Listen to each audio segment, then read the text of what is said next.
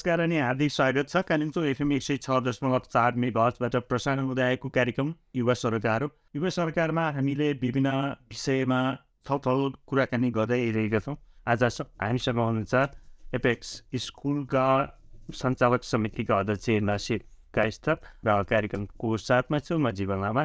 कार्यक्रममा यहाँलाई स्वागत छ नासिर सर। नमस्कार। कतिको व्यस्त हुनुहुन्छ? समय कसरी व्यवस्थापन गरिराख्नु भएको छ? अब यो नयाँ शैक्षिक सत्र दुई हजार अस्सीको लागि अलिक तयारीमा जुटिरहेको छु ती भन्दाहरू भनेको अब आफ्नै यसो लेखनहरूमा अनि पढ्ने कुराहरूमै व्यस्त छु म। लेखन र पढ्ने कुरा गर्नुभयो। यसलाई पनि अलिकति जोडाउनु कस्ता खालका विषयवस्तुहरूमा तपाईँको लेखन सिप छ एउटा कुरा। अर्को कुरा अध्ययनको हिसाबले चाहिँ आफ्ना विद्यालय बाहेक अरू विषयमा पनि अध्ययन गर्नुहुन्छ कि अति अलिक फरक विषयमा अध्ययन गर्नुहुन्छ? त्यो विषयमा छोटो जानकारी दिनु। म विभिन्न क्षेत्रका विषयमा जानकारी लिन रुचि राख्छु। हजुर जस्तो विशेष गरी आर्थिकमा मेरो धेरै चासो रहन्छ। साथसाथै अब राष्ट्रिय तथा अन्तर्राष्ट्रिय लेखकहरूले लेख्नुभएका किताबहरू पनि पढ्ने गर्छु म। यी लगायत अब लेख्ने कुराहरूमा चाहिँ मैले समय सान्दर्भिक कुराहरू के चलिरहेछ त्यो कुराहरू चाहिँ अब आफ्नो लागि लेख्छु प्रायः चाहिँ। आफ्नो लागि लेखिरहेको हुन्छु। अब प्रकाश जस्तो तपाईँले नेपालका धेरै पर्यटकीय क्षेत्रहरूमा पुग्नु भएको छ। धेरै ठाउँमा तपाईँको भ्रमणले अध्ययनले ती विषय वस्तुमा पनि आज हामी कुराकानी गर्नेछौँ। पछिल्लो अवस्थामा दोलखामा पर्यटकको चाहिँ उँधो लाग्दो अवस्था भयो। पर्यटक आएन दोलखाको चाहिँ आर्थिक सामाजिक रूपमा चाहिँ पछि पऱ्यो भनेर चाहिँ यहाँका चाहिँ होटल व्यवसाय यहाँका चाहिँ अन्य व्यवसायहरूले चाहिँ भनिरहँदाखेरि यहाँका चाहिँ ठुला ठुला होटलहरूमा चाहिँ दिनरातै हिजोको दिनमा कोठाहरू भर्ने गर्थ्यो बत्ती बन्ने गर्थ्यो अहिले त्यो अवस्था देख्न पाएको छैनौँ त्यस कारण तपाईँ आफूलाई के लाग्छ कि दोलखाको आर्थिक दोलखाको पर्यटकीय क्षेत्र साँच्चै नै नाजुक अवस्थामा पुगेको हो? पर्यटकीय अवस्थाहरू चाहिँ नाजुक अवस्थामा पुग्नुभन्दा पनि अहिले देश सम्पूर्ण देश नै लगभग लगभग आर्थिक मन्दीमा रुमलिरहेको छ। मन्दी ठ्याक्कै मन्दी नभनौँ अब हाम्रो देशमा खासै मन्दी हुँदैन।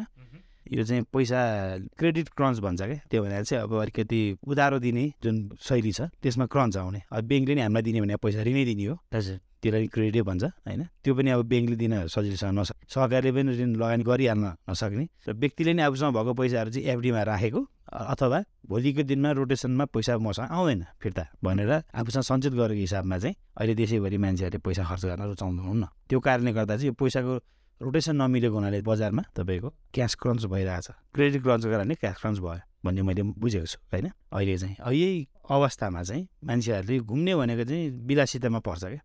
बेसिक कुराहरूमा आधारभूत कुराहरूमा जे जे पर्छ त्यसपछिको पैसा जोगाएर चाहिँ मान्छे घुम्न जाने हो। काहीँ ऋण तिर्न बाँकी रहेर काहीँ कसैलाई पैसा तिर्न बाँकी रहेर मान्छे घुम्दैन होइन? अब अहिले चाहिँ सबै कुरा सहज नभइकन पर्यटकीय अवस्था देशभरि कहीँ पनि सुधार्नेवाला छैन। हजुर। यो दोर्खा मात्र होइन नेपालका प्रमुख अन्य गन्तव्यहरू काहीँ पनि पहिलाको जस्तो चहलपहल छैन भन्ने मैले बुझेको छु अहिले चाहिँ। यी हिसाबले तपाईँको अनुभव सुन्नु पर्दाखेरि नेपालका धेरै पर्यटकीय क्षेत्रहरूमा पुगिसक्नु भएको छ। र एउटा कुरा घुम्नु भनेको रमाइलो गर्नु मात्रै होइन कि किनकि त्यहाँको वातावरण त्यहाँको संस्कृति त्यहाँको चाहिँ धार्मिक सांस्कृतिक सबै खालका कुराहरू चाहिँ अनुभव लिने पनि एउटा ज्ञान हो नि सिप हो नि होइन र? हजुर। अवश्य नै घुमेर सिक्ने कुराहरू चाहिँ पढेर भन्दा धेरै हुन्छ। भन्ने मानेर मैले राख्छु र यो हो पनि। कुनै ठाउँमा घुम्न जाँदाखेरि तपाईँ अन्जान भएर जानुहुन्छ त्यो ठाउँको बारेमा। तपाईँलाई त्यो ठाउँको बारेमा वास्तवमा धेरै कम मात्रै सूचना हुन्छ तपाईँसँग। र फर्केर आउँदाखेरि तपाईँले पाएको सूचनाभन्दा धेरै चाहिँ अरू सूचनाहरू तपाईँले जेनेरेट गरेर अरू दिन सक्नुहुन्छ। तपाईँले आफैले उत्पादन गरेर दिन सक्नुहुन्छ। किनभने तपाईँले फर्स्ट ह्यान्ड एक्सपिरियन्स चाहिँ त्यहाँबाट लिनुहुन्छ क्या होइन? कोही मान्छेसँग भेटेर त्यहाँको कुरा सोध्नुहुन्छ त्यहाँको संस्कृतिको बारेमा बुझ्नुहुन्छ त्यहाँको खानपान रहन सहन। त्यहाँको मान्छेको जस्तै म कुनै ठाउँमा गएँ म डोल्पा गएँ भने मैले त्यहाँको मान्छे कसरी आफ्नो आय आर्जनमा चाहिँ समर्पित हुनुहुन्छ अथवा के गरेर चाहिँ आफ्नो आय आर्जनमा चाहिँ उहाँहरू लाग्नुहुन्छ भन्ने कुरामा मैले पहिले मेरो चाहिँ त्यहाँतिर जान्छ ध्यान। त्यसपछि दोस्रो भनेको कुन जात जातिका मान्छेहरू यहाँ बस्नुहुँदो रहेछ? उहाँहरूको व्यवसाय के रहेछ? उहाँहरूले कहाँबाट किन्नुहुन्छ के बेच्नुहुन्छ? होइन? र कसरी चाहिँ आफ्नो आय आर्जनको कुराहरू चाहिँ मेन्टेन गर्नुहुन्छ भन्ने कुरा हुन्छ दोस्रो कुरा भनेको त्यहाँको प्रकृति लगभग लगभग नेपालको हिमालयन रेन्जमा जति ठाउँमा गइन्छ लगभग लगभग हरेक ठाउँले तपाईँलाई डिफ्रेन्ट एक्सपिरियन्स दिन्छ। हिमाल त हिमालय हो डाँडामा हिमै छ होइन? तर हरेक ठाउँमा चाहिँ तपाईँले नयाँ एक्सपिरियन्स पाउनुहुन्छ। हरेक ठाउँमा तपाईँ जाँदाखेरि हो यो यस्तो ठाउँ चाहिँ कहीँ पनि छैन भने जस्तो तपाईँले फिल गर्नुहुन्छ। त्यो चाहिँ तपाईँको मनको सन्तुष्टि भनौँ आनन्द भनौँ त्यो तपाईँको आफ्नो स्टेट अफ माइन्ड भन्छ अङ्ग्रेजीमा होइन? तपाईँको दिमाग कहाँनिर छ त्यसले नि म्याटर गर्ला गर्न चाहिँ। तर मेरो आफ्नो एक्सपिरियन्समा भन्नुहुन्छ भने चाहिँ म धेरै एउटा ठाउँमा जाँदाखेरि मैले के बुझेको छु भने कुनै पनि ठाउँ कुनै जस्तो छैन कि नेपालमा चाहिँ। फरक फरक फरक फरक खालको छ कि? भूगोल अवस्था हजुर। भूगोल अवस्था हिमालयन रेन्जमा म धेरै ठाउँमा गएको छु। हजुर। हिमालयन रेन्ज त वास्तवमा अब यो एउटा ठाउँमा पुगिसकेपछि हिउँ पर्ने हो होइन अल्पाइन रिजन भन्छ एउटा। त्यो भने चाहिँ अल्पाइन ट्री हुँदैन। त्यहाँनिर भनेको हाम्रो यो सल्लाह सल्लाहका रुखहरू नहुने। हजुर। त्यो रिजनमा जाँदाखेरि पनि तपाईँको त्यो रिजनबाट कटेर जाँदा जाँदा रुख हुँदैन कि। हिमालयन बुट्यानहरू यस्तो मात्रै हुन्छन् ती रिजनमा चाहिँ। अब हाम्रै दोर्खामा हेर्नुहोस् न जिरीमा जानुभयो भने अलिक माथि जानुभयो भने अर्कै छ। होइन चेरुङतिर जानुभयो भने अर्कै छ। कालिम्पोङमा जानुहोस् त्यहाँको ब्युटी अर्कै छ। छोरोलपा जानुहोस् अर्कै छ। त्यस्तै नै नेपालको विभिन्न ठाउँमा तपाईँ एक ठाउँमा गएपछि यस्तै त होला नि। होइन म छोरोलपा गएँ अब कहीँ जानु पर्दैन भन्ने खालको चाहिँ छैन। फरक फरक ठाउँमा फरक फरक चिजै तपाईँले पाउनुहुन्छ। कति जिल्ला जति बाँकी छ होला? सतहत्तर जिल्लामा तपाईँ पुग्न मेरो अन्दाजी आठ जिल्ला राखेको छु मैले चाहिँ। एक दुईवटा जिल्ला चाहिँ अलिकति व्यापक रूपमा घुम्न बाँकी छ। हजुर। तर ती बाहेक सात आठ जिल्ला पुगेका ठाउँहरूमा मध्ये तपाईँलाई अहिले पनि सम्झना योग्य त्यस्ता खालका घटनाहरू क्षणहरू केही सम्झिन चाहनुहुन्छ? मलाई सबै कुरै अवस्मरणीय नै छ। कहीँ त्यस्तो छैन। र विशेष गरी अब यो प्लानिङ तपाईँको नगरिकन गइन्छ कहिले काहीँ त्यतिकै फुत्ता गयो अनि त्यस्तो कुरो ठाउँहरू चाहिँ रमाइलो हुन्छ। जस्तै नाम्चे बजार हुँदै सोलुखम्बुको। हजुर। गोक्यो भन्ने ठाउँमा गएको थिएँ म। त्यो चाहिँ मेरो लागि अवस्मरणीय छ। त्यो चाहिँ लाइफ टाइम अब म कहिले पनि भुल्न सक्दिनँ कि। त्यो चाहिँ किन भन्दा एक त प्लानिङ नगरी गइयो। अर्को हामीले सोचेको भन्दा अध्ययन गरेको भन्दा अलिक फरक ठाउँ पनि पाइयो। र त्यहाँनिर पुगिसकेपछि नेपाल कति ठुलो छ जस्तो पनि लाग्छ क्या हजुर। होइन हामीले नेपाल सानो छ सानो छ भनिराख्दाखेरि हो नि त अब डाँडा काँडाले गर्दा टाढा लाग्ने हो। तर जस्तै भए पनि अब पुग्नुपर्ने गन्तव्य चाहिँ टाढा भइसकेपछि नेपाल ठुलै छ जस्तो लाग्दो रहेछ क्या त्यो हिसाबमा। तपाईँ आफूलाई सुइटेबल लाग्यो अलिकति फरक महसुस भयो भने के कारण त्यस्तो खालको तपाईँलाई बसौँ बसौँ लाग्छ? कहिलेकाहीँ एकदमै धेरै कोलालबाट टाढा बस्नु भने मानसिक स्वास्थ्यको लागि एकदमै राम्रो हुन्छ क्या तपाईँलाई कहिलेकाहीँ एकदमै धेरै तनाव हुँदा के गरौँ कसो गरौँ भन्छ नि। त्यो अवस्थामा चाहिँ तपाईँले यसो आराम लिनुभयो भने तपाईँले नयाँ कुराहरू चाहिँ पत्ता लगाउनुहुन्छ। मैले पहिला पनि एकचोटि मैले आफ्नो सामाजिक सञ्जालमा पनि लेखेको थिएँ। हजुर। नजिकबाट आफ्नो समस्या जुन तपाईँले पहिलाउन सक्नु हुँदैन टाढा गएर हेर्नुहोस् भनेर लेखेको थिएँ क्या मैले। त्यो भने चाहिँ कहिलेकाहीँ जुन समस्यामा तपाईँ ती हुन्छ ती बसेर तपाईँले त्यसलाई सल्भ गर्नै सक्नुहुन्न क्या। अलिकति पर गएर तपाईँले अलिक फ्रेस भएर सोच्नुभयो भने सायद त्यसको मियो चाहिँ तपाईँले पत्ता लगाउन सक्नुहुन्छ। ए मैले यहाँबाट गएँ भने चाहिँ अब यसलाई सल्भ गर्न सक्छु यसलाई म चाहिँ समाधान गर्न सक्छु भन्ने हिसाबमा तपाईँ लान सक्नुहुन्छ जस्तो मलाई लाग्छ। मेरो चाहिँ प्रायः छ खोजी त्यस्तै कुरामा हुन्छ। म आफ्नो प्रब्लम सल्भिङ टेक्निकहरू चाहिँ म चाहिँ घुमेरै निकाल्ने हो। म त्यसरी बसेर एक ठाउँ बसेर निकाल्न सक्दिनँ। मेरो आफ्नो तरिका चाहिँ त्यस्तो छ। हजुर। लगभग यो को कोभिड पछि पनि हुनसक्छ। नेपालको आर्थिक अवस्था अलिक कमजोर रहेको ओह्रालो लागेको। यो कोभिड पछि तपाईँ कति ठाउँमा पुग्नुभयो र त्यही ठाउँहरूको अवस्थालाई तपाईँले कसरी निहाल्नुभयो? त्यहाँको चाहिँ पर्यटकीय कुरा भयो त्यहाँको चाहिँ आर्थिकको चलायमान कसरी चाहिँ निहाल्नु भयो? म चाहिँ अब आफ्नो आर्थिक अवस्था यताउता गरेर मिलाएर भए पनि घुम्न चाहिँ वर्षमा दुईचोटि जसरी निस्किन्छु म। मेरो चाहिँ यो खालको बानी छ। हजुर। अँ, यो कोभिडकै बिचमा म लगभग लगभग पैदल यात्रा भन्दा पनि मैले चाहिँ सडक मार्गबाट हुने यात्राहरू धेरै गरेको छु। यीमध्ये अब कोभिडको बेलामा चाहिँ विशेष गरी।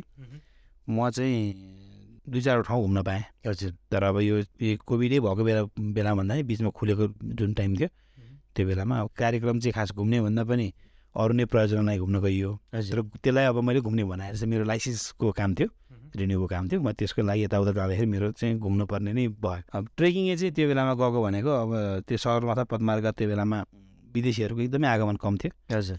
र इतिहासमै सायद पहिलोचोटि होला। सगरमाथा पदमार्गमा चाहिँ नेपालीहरूलाई अत्याधिक रुचाइएको थियो कि। मा यो मार्केटमा त कुनै कुरा चाहियो। अब विदेशी नआउने भएपछि त नेपालीले नै आएर घुम्दो रहेछ। नेपालीले नै पैसा खर्च गर्दो रहेछ भन्ने चाहिँ त्यो बेलामा त्यहाँको होटल व्यवसायदेखि लिएर पर्यटक व्यवसायहरूलाई भएको थियो। हजुर। त्यही मौकामा मन जान पाएँ। त्यो नै मलाई अविस्मरणीय नै छ।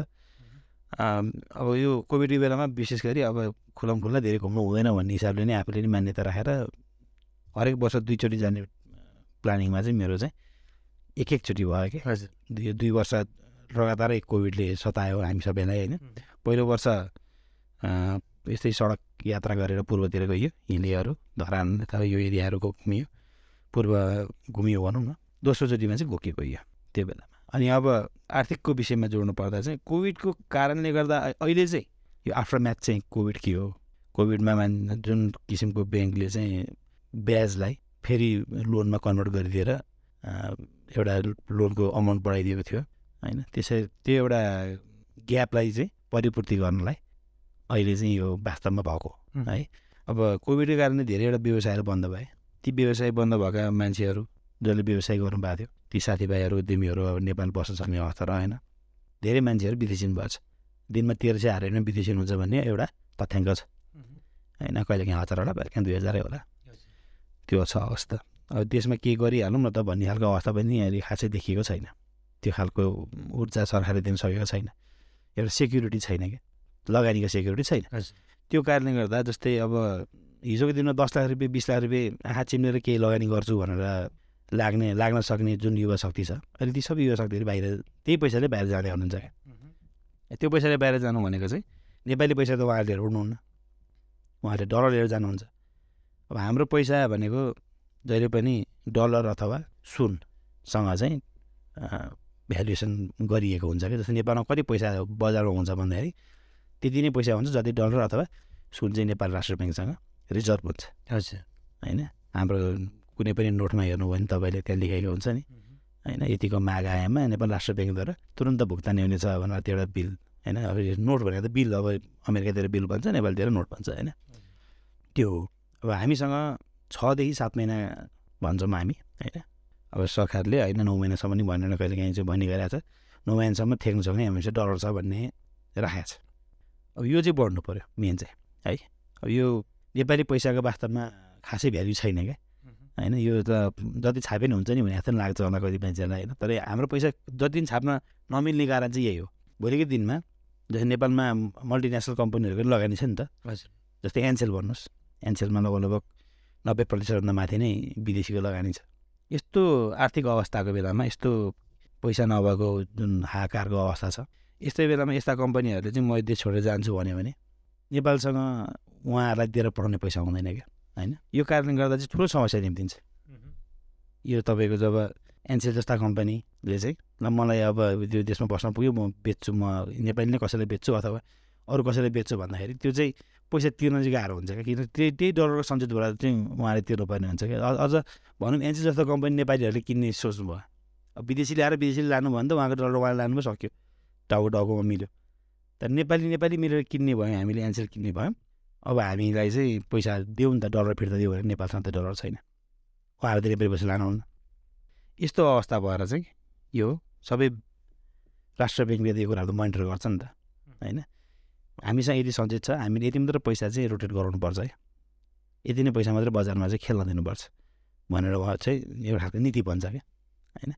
त्यही भएको हुनाले यस्तो भएको। अब यो धेरै पैसा विदेशिनुको कारण चाहिँ धेरै युवाहरू विदेश गएर पनि हो। लगभग लगभग चालिस अर्ब पचास अर्बै तपाईँ गइरहेछ भन्ने खालको एउटा अध्ययनले देखाइरहेको छ होइन? अर्को कुरा चाहिँ अब यो विभिन्न यो तपाईँको सामाजिक सञ्जालहरू तपाईँले कतिको याद गर्नु भएको छ? यो सामाजिक सञ्जालमा गर्ने विज्ञापनहरूले होइन? त्यसपछि हाम्रो नेपालमा सबै सामानहरू विदेशबाटै किनेर ल्याएर कन्ज्युम गर्ने खालको एउटा जुन छ त्यसले होइन? र अब अहिले त झन् नयाँ नयाँ शैलीहरू आएको छ क्या। जस्तै युवाहरूमा जति नेपाल बस्नु भएको छ व्यापारी साथीहरू चाहिँ दस दस डलर बिस डलरको चाहिँ जुवा खेल्नुहुन्छ क्या। उहाँहरू चाहिँ देखिन्छ कति ठाउँहरूमा। त्यो पैसा नि विदेश जाने हो। विभिन्न एपबाट तपाईँको जुवा खेल्ने खालको चाहिँ छ। यसको कुरामा चाहिँ हाम्रो कन्ट्रोल छैन कि? जस्तै फेसबुकमा एड गर्नु गरिन्छ होइन हामी पनि अब कतिसम्म गर्छौँ। एड त त्यो एडको पैसा नेपाल सरकारले एक रुपियाँ पनि पाउँदैन क्या मैले दस डलरको कुनै एउटा पोस्ट पोस्ट गरेँ भने त्यसको पैसा एक रुपियाँ पनि बस्दैन। सबै बाहिर सबै बाहिरिन्छ है? अब पर्यटकीय क्षेत्र पनि त्यही भइरहेछ क्या? मैले तपाईँलाई यहाँनिर जोड्न चाहेँ पर्वतारोही गर्दाखेरि लाग्ने सामान चाहिँ सबै विदेशी सामान हो। अलमोस्ट सबै कुराहरू। जुत्ता भन्नुहोस् मोजा भन्नुहोस् त्यो बेला लाग्ने ज्याकेट भन्नुहोस् भित्र लाउने इनर लुगाहरू भन्नुहोस् होइन? लियर्स लियर्स अब त्यो त धेरै लुगाहरू लाएर जानुपर्ने हुन्छ नि त। सबै डोरी भन्नुहोस्। धेरै कम पैसामा त नेपाल बस्छ क्या। होइन? अब विदेशबाट पैसा आउँछ नि अब यत्रो मान्छे विदेश गएर के भएर तेह्र सय चौध सय गरेर के भएर आउँछ नि मन त्यो पैसा फेरि घुमेर विदेश जान्छ क्या। हाम्रोमा यहाँ उत्पादन छैन। होइन उत्पादन हुनलाई जनसङ्ख्या चाहिन्छ। कत्रो जनसङ्ख्यालाई चाहिँ उत्पादन गरिदिने त? होइन तपाईँले बनाएको सामान कतिजना मान्छेलाई चाहिँ बेच्ने त? तपाईँको गन्तव्य कुनै ठाउँमा तपाईँले एउटा टुरिज्म प्रमोट गर्नुहुन्छ भने कतिजना मान्छेलाई गर्ने त? त्यसले चाहिँ म्याटर गर्छ। होइन अब हामीले त सामान बनाएर कम्पिट गर्ने मार्केट एकदमै सानो छ क्या। हामीले के नै फलाउन सक्छौँ र के नै चाहिँ बेच्न सक्छौँ भन्ने जस्तो अवस्था लाग्छ मलाई चाहिँ। अब हुनु त फेरि अहिलेको आर्थिक अवस्थामा सर्लकै नेपाल श्रीलङ्का बन्न नसक्ने कारण पनि नेपालीले के न के फलाएरै हो। होइन? नेपाली चाहिँ भोकै मर्दैनन् क्या। हामी नेपाली चाहिँ भोकै मर्ने खालको अवस्था हुँदैन। होइन? अब अहिले पनि चरीकोटमै पनि तपाईँहरूले हेर्नुभयो भने चामल किनेर खाने एउटा समूह हुन्छ एउटा वर्ग हुन्छ। अब गाउँमा नि जग्गा जमिन भएको गाउँमै खेती गर्ने चरीकोट बस्ने मान्छेहरूले गाउँकै चामल ल्याएर पनि खानुहुन्छ क्या। भने मतलब के न के त किन्नु परेन। अब खेतीमा नि लगायो त लाग्छ लाग्नु त तर जे होस् इमिडिएट क्यास चाहिँ भएर जाँदैन। त्यसरी हुन्छ। नेपालमा यो पहिला कुरा पर्यटनको क्षेत्रलाई चलायमान बनाउनलाई चाहिँ आर्थिक अवस्था सुदृढ हुनुपर्छ। जस्तै अब पनि दुर्गा जिल्लामै पर्यटक आएन पर्यटक आएन भनेर मैले धेरै अब साथीभाइहरूको गुनासो सुन्छु क्या। म उहाँहरूलाई नि सोध्छु क्या बेला बेला। पछिल्लो दस महिनामा तपाईँहरू कहाँ कहाँ घुम्न जानुभएको छ सोध्छु क्या। आफू पनि जानु भएको छैन क्या। भने मतलब यो चक्रमा जुन अहिले देश घुमिरहेछ यसमा त हुने त्यही हो नि त। होइन पहिला पहिला जस्तो सहकारी भ्रमणहरू अलिक कमै छ। सहकारी आफै हम्यामा छ नि त। बजारमा जुन किसिमको रोटेसन घटेको छ पैसाको होइन ऋण लगानी गर्न सक्ने अवस्था छैन। नयाँ ऋण दिनलाई पुरानो ऋण उठेको छैन। एउटा सिडी रेसियो त जहाँ पनि मेन्टेन गर्नुपर्ने हुन्छ। क्यास कति राख्ने लोन कति दिने त्यो चाहिँ सबैतिर सहकारीमा ब्याङ्कमा सबैमा हुन्छ। अहिले चाहिँ रोटेसन सर्लक्कै घटेको छ क्या हरेक ठाउँमा। पर्यटनमा घट्नु चाहिँ यो पर्यटन भने चाहिँ सोखको कुरा हो क्या। बाध्यताले पर्यटनमा मान्छे कहिले पनि जाँदैन। अब बाध्यताले घुम्न जाने मान्छेहरू कोही मैले जहिलेसम्म देखेको छुइनँ अब कोही कोही होइन यो सोखमा घुम्न जाने हो। अब यो सबै चक्रव्यूहबाट जब मुक्त हुन्छ देश त्यसपछि फेरि सबै कुराहरू मिल्दै आउँछ। तपाईँ अहिले कालिम्पोङ एफएम एक सय छ दशमलव चार मेगाजबाट कार्यक्रम युवा सरोकार सुन्दै हुनुहुन्छ। आज हामीसँग हुनुहुन्छ एपेक्स स्कुलका चालक समितिका अध्यक्ष नसिब गाइस छ कुराकानीलाई म पुनः जोड्न चाहन्छु नसिब सर। जस्तो हामीले पर्यटनको र आर्थिक सँगसँगै जोडिरहँदाखेरि पछिल्लो अवस्थामा दोलखाका होटलहरूले महँगो लियो दोलखाका चाहिँ व्यापार व्यवसायहरूले पनि दैनिक प्रयोग गर्ने सामानहरू अथवा मान्छेलाई अति आवश्यक साम पर्ने सामानहरूमा चाहिँ अलिकति महँगो हो कि भनेर पनि भनिरहेका छन्। यी कारणले पनि पर्यटकहरूको सङ्ख्यामा कमी आएको हो कि अथवा दोलखामा पर्य पर्याप्त मात्रामा पर्यटकलाई चाहिने ठाउँहरू मनोरञ्जन मनोरञ्जनका साधनहरू नभएको कारणले हो। के लाग्छ तपाईँलाई? यो हस्पिटालिटी भन्ने कुराको चाहिँ पैसामा तुलना हुँदैन क्या। होटलका सर्भिसहरू जुन नि। तपाईँहरूले नेपालभरिका होटलमा गरेर जानुभयो भने उस्तै उस्तै पर्ने होटलको प्राइसहरू आकाश जमिनको फरक हुन्छ। हजुर। होइन? त्यो किन हुन्छ भन्दा ठाउँको हिसाबले हुन्छ। कहिलेकाहीँ कहिलेकाहीँ तपाईँको एउटा होटलले होइन म यदि मात्रै लिन्छु भन्ने हिसाबले तोकेको प्राइसको कारणै आउँछ होइन? जस्तै अब भाडै महँगो भएको होटलले त सस्तोमा बेचेर त ऊ आफै सस्टेन हुन सक्दैन नि त भोलिको दिनमा। लगानी बढी परेको रहेछ भने पनि सस्तोमा दिनु हुँदैन। दोर्खाको हकमा चाहिँ यो महँगो पऱ्यो भन्नु कारण चाहिँ किन भन्दाखेरि मैले देखेको चाहिँ हाम्रोमा अलिकति हस्पिटालिटी कम हो कि। पर्यटकलाई गर्नुपर्ने व्यवहारमा हाम्रो अलिकति परिवर्तन ल्याउनु पर्ने हो कि। मैले देखेको चिठी मात्रै हो। नत्र हजार पन्ध्र सयमा लगभग लगभग तपाईँ अहिले सबै जयगढको होटलहरूमा जानुभयो रेट ल्याउनु भयो भने एभरेज निकाल्नुहोस्। पन्ध्र सयभन्दा माथि पुग्दैन क्या। हजुर। एउटा अन एभरेज छ नि त अब यहाँनिर आठ हजार दस हजार पर्ने रुमहरू पनि पाइन्छ। तपाईँको चाहिँ कुनै होटलमा चाहिँ परिवार बस्ने सुइट लिनुहुन्छ भने त्यहाँ अलि अझै महँगो होला होइन? तर अन एन एभरेज एउटा पर्यटक दुर्गा जिल्लामा एक एक वर्षमा दस हजार पर्यटक आउनुभयो भने एउटा मान्छेले अन एन एभरेज सबैतिर चाहिँ गर्ने भनेको त्यो पन्ध्र सय दुई हजारभन्दा माथि खर्च गर्नुहुन्न। यो देखिरहेको छ होइन?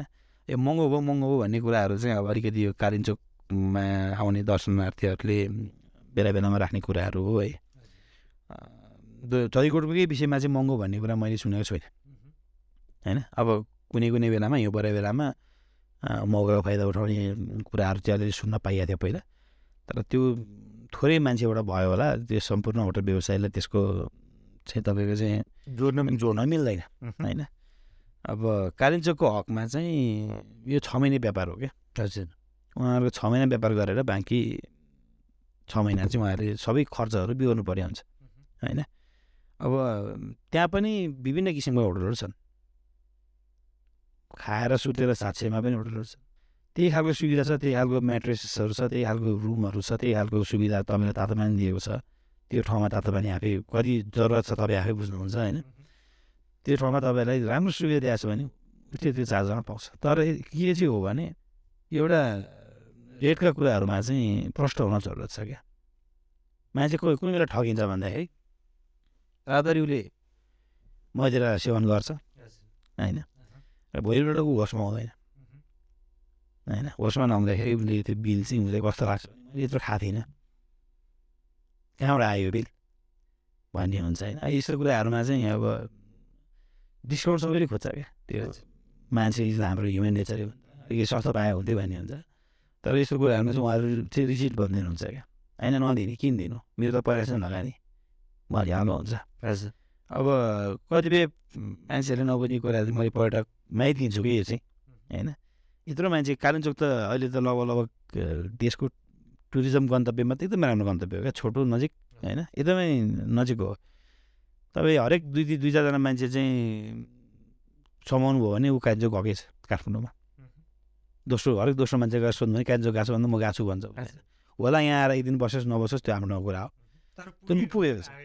उसँग उसले लाने इन्फर्मेसन हो नि त यो भनेको त। होइन? अब सबैले त महँगो त तिरेको त्यति जस्तो मलाई लाग्दैन है। अब वास्तवमै महँगो चाहिँ कालेजुमा के छ भने त्यहाँको मान्छेहरूले फिल गर्ने कुराहरूमा चाहिँ के बुझिदिनु पऱ्यो भने क्लाइमेट च्यालेन्जको कारणले गर्दाखेरि महँगो पर्छ। होइन?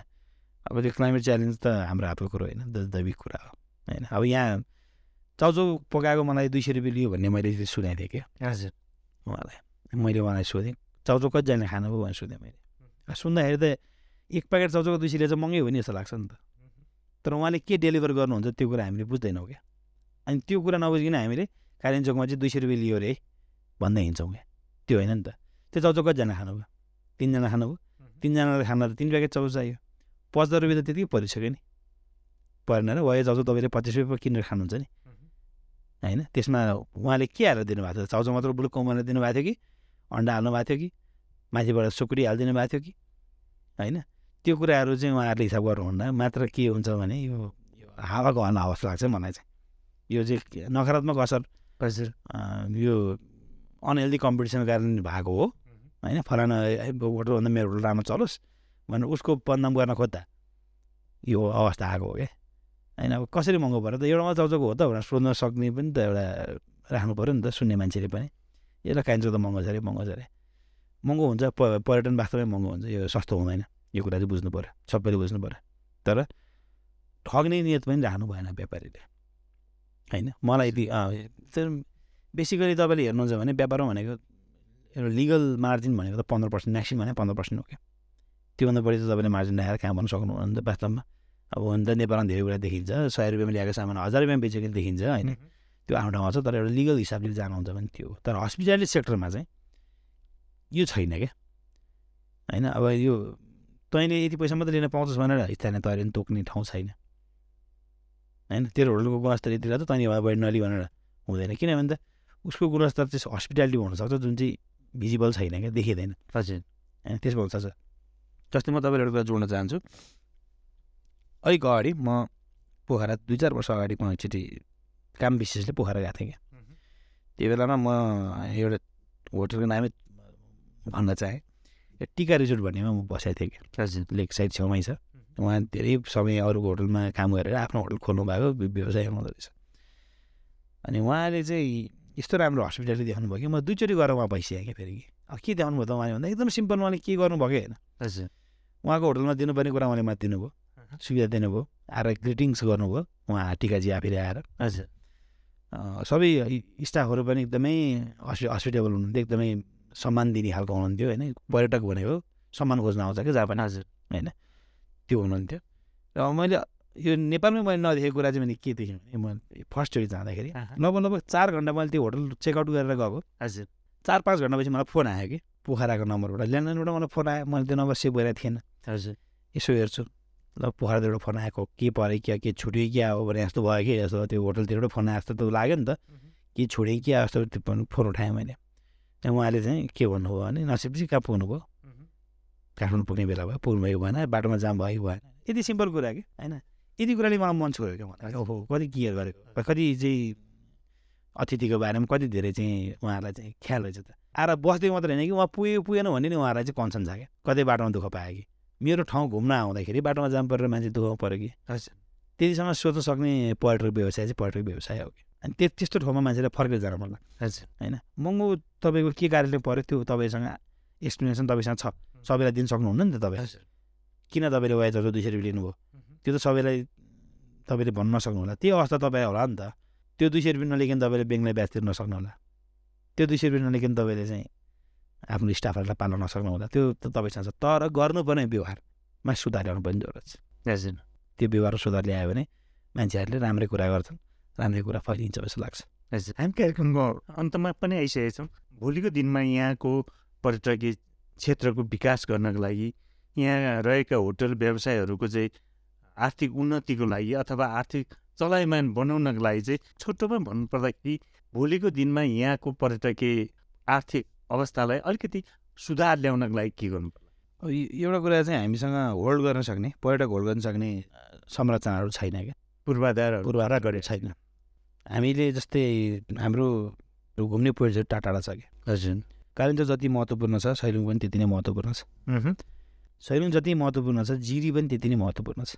यो जिल्लाको पर्यटनको सुरुवात भनेको जिरीले गरे हो नि त। हजुर। कुनै दिनमा जिरीमा जाँदा जाँदा चाहिँ स्विसहरूलाई त्यो जिरी चाहिँ मन नपरेको भए सायद उहाँहरूले यहाँ सब रोडै ल्याइदिनु हुन्थ्यो कि। होइन? त्यो त्यो पनि एउटा छ नि त। जिरीबाट सोलुखम्बु नजिक पऱ्यो हजुर। त्यहाँ एयरपोर्टहरू चले त्यहाँको गतिविधिहरू चले होइन? त्यसरी नै बिस्तारै बिस्तारै यो सदरमुकाम जयगढमा बस्यो। जयगढमा सदरमुकाम बसेपछि जयगढ बढ्दै गयो। तर यहाँबाट दोर्खा भीमसेन र कालिम्पोङ नजिक पर्न गयो। तर अब हाम्रो पोइन्टहरू कति टाढा छ भने मैले देख्दा चाहिँ कालिम्पोङ जयगढबाट अठार किलोमिटर छ। फेरि जयगढबाट सैलुङ त्यति नै टाढा छ। अझ बढी पनि होला सायद। बढी छ। टाढा छ। यो दुइटा पोइन्ट जोड्न हामीलाई गाह्रो भइरहेको छ क्या। अनि तपाईँ घुम्नै पर्छ। त्यहाँ जानुहोस् न भन्दा नि त आएर एक दिन त रेस्ट त जयगढमै लिनु पऱ्यो अब आधा दिनमा कालिम्पोङबाट फर्किँदै आधा दिन हुन्छ। जयगढ आएर बस्दाखेरि जयगढमा चाहिँ आधा दिन गर्ने एक्टिभिटिजहरू छैन तपाईँ सौरै जानुभयो भने त्यहाँनिर थारू कल्चरको डान्स देख्नुहुन्छ। होइन हाम्रो यहाँको इन्डिजिनियस ग्रुप जुन हुनुहुन्छ उहाँहरू केही पनि डान्सर यहाँ छैन। हामी देखाउन सक्दैनौँ कि त्यो त्यो खालको छैन। सबैले डान्स हेर्छ त भन्दा हेर्दैन त्यो आफ्नो कुरा। तर त्यो पनि छैन भन्नु खोजेँ मैले। संरचना परको कुरा हो। मानवीय हिसाबले गर्न सक्ने कुरा पनि छैन।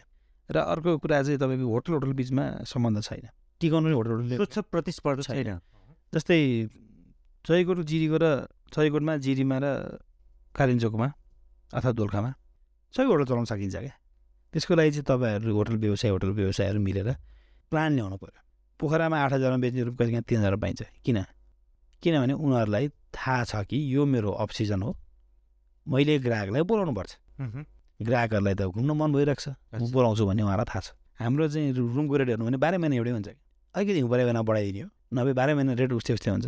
होइन? असारसम्म त ग्राहकै आउँदैन भन्नुहुन्छ तर आउने ग्राहकलाई सस्तोमा दिने खालको मैले देखेको छुइनँ। र दिनुहुन्छ भने पनि प्रचार गरेको मैले देखेको छुइनँ क्या। हजुर। कालिम्पोङका दस पन्ध्रवटा होटल जयगढ दस पन्ध्रवटा होटल र जिरीको पाँच सातवटा होटल होटल मिलेर उहाँहरूले लिङ्क गर्ने खालको व्यवसाय गर्न सक्नुहुन्छ क्या? मिलेर होइन? स्किम गर साधारण स्किममा मैले भने जस्तै गर्नुपर्छ भन्ने भएन कि जस्तै अब। दोलखा जिल्लामा दुई दिन बस्दा एक दिन चाहिँ त्यहाँ बस्न पाइन्छ भन्ने खालको विज्ञापन गर्न सक्यो नि त। हजुर। आजको दिनमा एक दिन नबसेको अवस्था आउँथ्यो त बिहान काठमाडौँ आउने कालिम्पोङ जाने दोलखा मिसन दर्शन गर्ने जयगढमा चाहिँ मनमूत्र त्याग गर्ने त्यसपछि आफ्नो गन्तव्यतिर लाग्ने।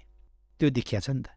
त्यसलाई कन्ट्रोल गर्न त सायद अहिलेको अवस्थामा त तिन तिनतिरको होटल व्यवसायहरू मिल्ने र दुई रात दोलखा जिल्लामा बिताउँदाखेरि एक रात चाहिँ सित्तैमा बस्न पाइन्छ। त्यो चाहिँ होटल होटल व्यवसाय मिलेर सम्भव छ क्या? उस्तै उस्तै होटलको क्याटेगोरीहरू बनाउने। आज एउटा कालिम्पोङमा गएर ए होटलमा बस्नुहुन्छ नि भोलि आएर जयगढमा बी होटलमा बस्नुहुन्छ। पर्सि गएर जिरीमा त्यो सी होटलमा बस्नुहुन्छ। तिनजनाले चाहिँ कोर्डिनेट गर्नु पऱ्यो कि? हजुर। होइन? अथवा फर्स्टमा जिरीमा बस्नुहुन्छ सेकेन्डमा सेकेन्डमा बस्नुहुन्छ थर्डमा त्यहाँ बस्नुहुन्छ। तिनजना होटलले एक रात सित्तेमा सुत्दै दिने व्यवस्था गर्नु पऱ्यो क्या? त्यो सित्तेमा बस्ने जुन होटलमा बस्न जानुहुन्छ त्यो होटललाई चाहिँ दुइटा होटल मिलेर कति पैसा पैसा पेमेन्ट गरेर त त्यो चाहिँ फेरि एकदमै त्यो चाहिँ मिलेर गर्नु पऱ्यो यहाँ त कस्तो प्रतिस्पर्धा छ भने जयगढको व्यवसायले जिरीमा केही छैन भनिदिन्छ क्या। म त जिरी घुम्न गएको बेलामा त्यहाँको एउटा होटलको साउजीले भन्नुहुन्थ्यो मलाई चैकोटको मान्छेहरूले जिरीमा केही छैन भन्दैन हुन्छ जिरी पनि डिफ्रेन्ट ब्युटी। मलाई मनपर्छ जिरी एकदमै। म गइरहेको हुन्छु बेला बेला जान्छु यसो अवलोकन गर्छु। बस्छु फर्किन्छु होइन। तर जिरी न के छ र किन जानु पऱ्यो भनेर त कुरा गरिदिनुहुन्छ कि? यो कुरा चाहिँ फ्याक्ट हो। होइन जानुहोस् न। के थाहा? तपाईँलाई मनपर्छ कि? अझ भनौँ। असार साउनमा चाहिँ हाम्रोमा ग्राहक आउँदैन भदौमा ग्राहक आउँदैन भन्नुहुन्छ क्या। असार साउनमा गर्ने टुरिज्मको लगानी नै न- नगरिकन गर्नुपर्ने टुरिज्मको क्षेत्र पनि दोलखा जिल्लामा छ क्या। हजुर। जस्तै अप्पर तामाङ तपाईँ जानुभयो भने लामा बगरसम्म तपाईँ चाहिँ भदौसम्म जानुभयो भने त्यहाँका झरनाहरूले त्यो खोला किनाराहरूले तपाईँलाई यति चाहिँ थ्रिल गराउँछ कि यति चाहिँ रमाइलो दिन्छ कि त्यो रमाइलो तपाईँले बिना लगानी पाउने कुरा हो कि यो दोलखा जिल्लाले बिना लगानी पाउने हो नि त प्रकृतिले नि दिने कुरा हो कि जस्तै हिउँ त हामीले पारेर पर्ने होइन नि त हिउँ नपरिकन त ग्राहक नआउने रहेछ होइन त प्रकृतिको वरदानले चलिरहेको हो क्या अहिलेसम्म चाहिँ मानवीय विकासले गरेका कुराहरूले चलेको छैन होइन अब असार साउन भदौ चार पाँच महिना जुन छ यो अफ टाइममा पनि तपाईँले अप्पर तामुसीको रु रुटलाई लामा बगरसम्मको रुटलाई तपाईँले राम्रोसँगले चाहिँ प्रमोट गर्न सक्नुभयो भने सिङ्गटीको नै होटल चल्छन् क्या अब तपाईँको अब जिरीमा कुनै टाइममा चल्ला होइन जिरीमा त्यहाँको लस ग्रिन तपाईँको चाहिँ त्यो ग्राउन्डहरू हेर्नलाई चौरहरू हेर्नलाई त्यसको आनन्द बेग्लै छ नि त। त्यसको बेग्लै फरक सिजन होला अनि यो सेल सिजन किन कनेक्ट हुँदैन त भन्दा मेरै ठाउँमा आएर चौगडै बसेर सबै पैसा सक्दैछ किन कालिम्पोङ पठाउनु? होइन अब अहिले कस्तोसम्मको छ भने मकैबारीबाट कालिम्पोङ रोड छुट्टिँदै चौकोट सकेको भन्ने कुराहरू छ क्या। यी कुराहरू ल होला यो हुने विकासले गर्दाखेरि पनि चेन्जेस आउला। जस्तै सेराबेसी मेरो गाउँ हो। पहिला काठमाडौँ जाने रुट थियो कि रोडमा एउटा खुल्यो तल गाउँ त अवश्य सुक्यो नि नसुक्ने होइन नि। सुक्दो रहेछ नि त। तर यो नसुकाउन एकअर्कालाई नसुकाउन चाहिँ गर्नुपर्ने प्रयत्नहरू हुन्छन्। त्यो प्र्याक्टिसमा ल्यायो भने गर्न सकिन्छ। हस् यहाँको महत्त्वपूर्ण समय र विचारको लागि धन्यवाद छ यहाँलाई।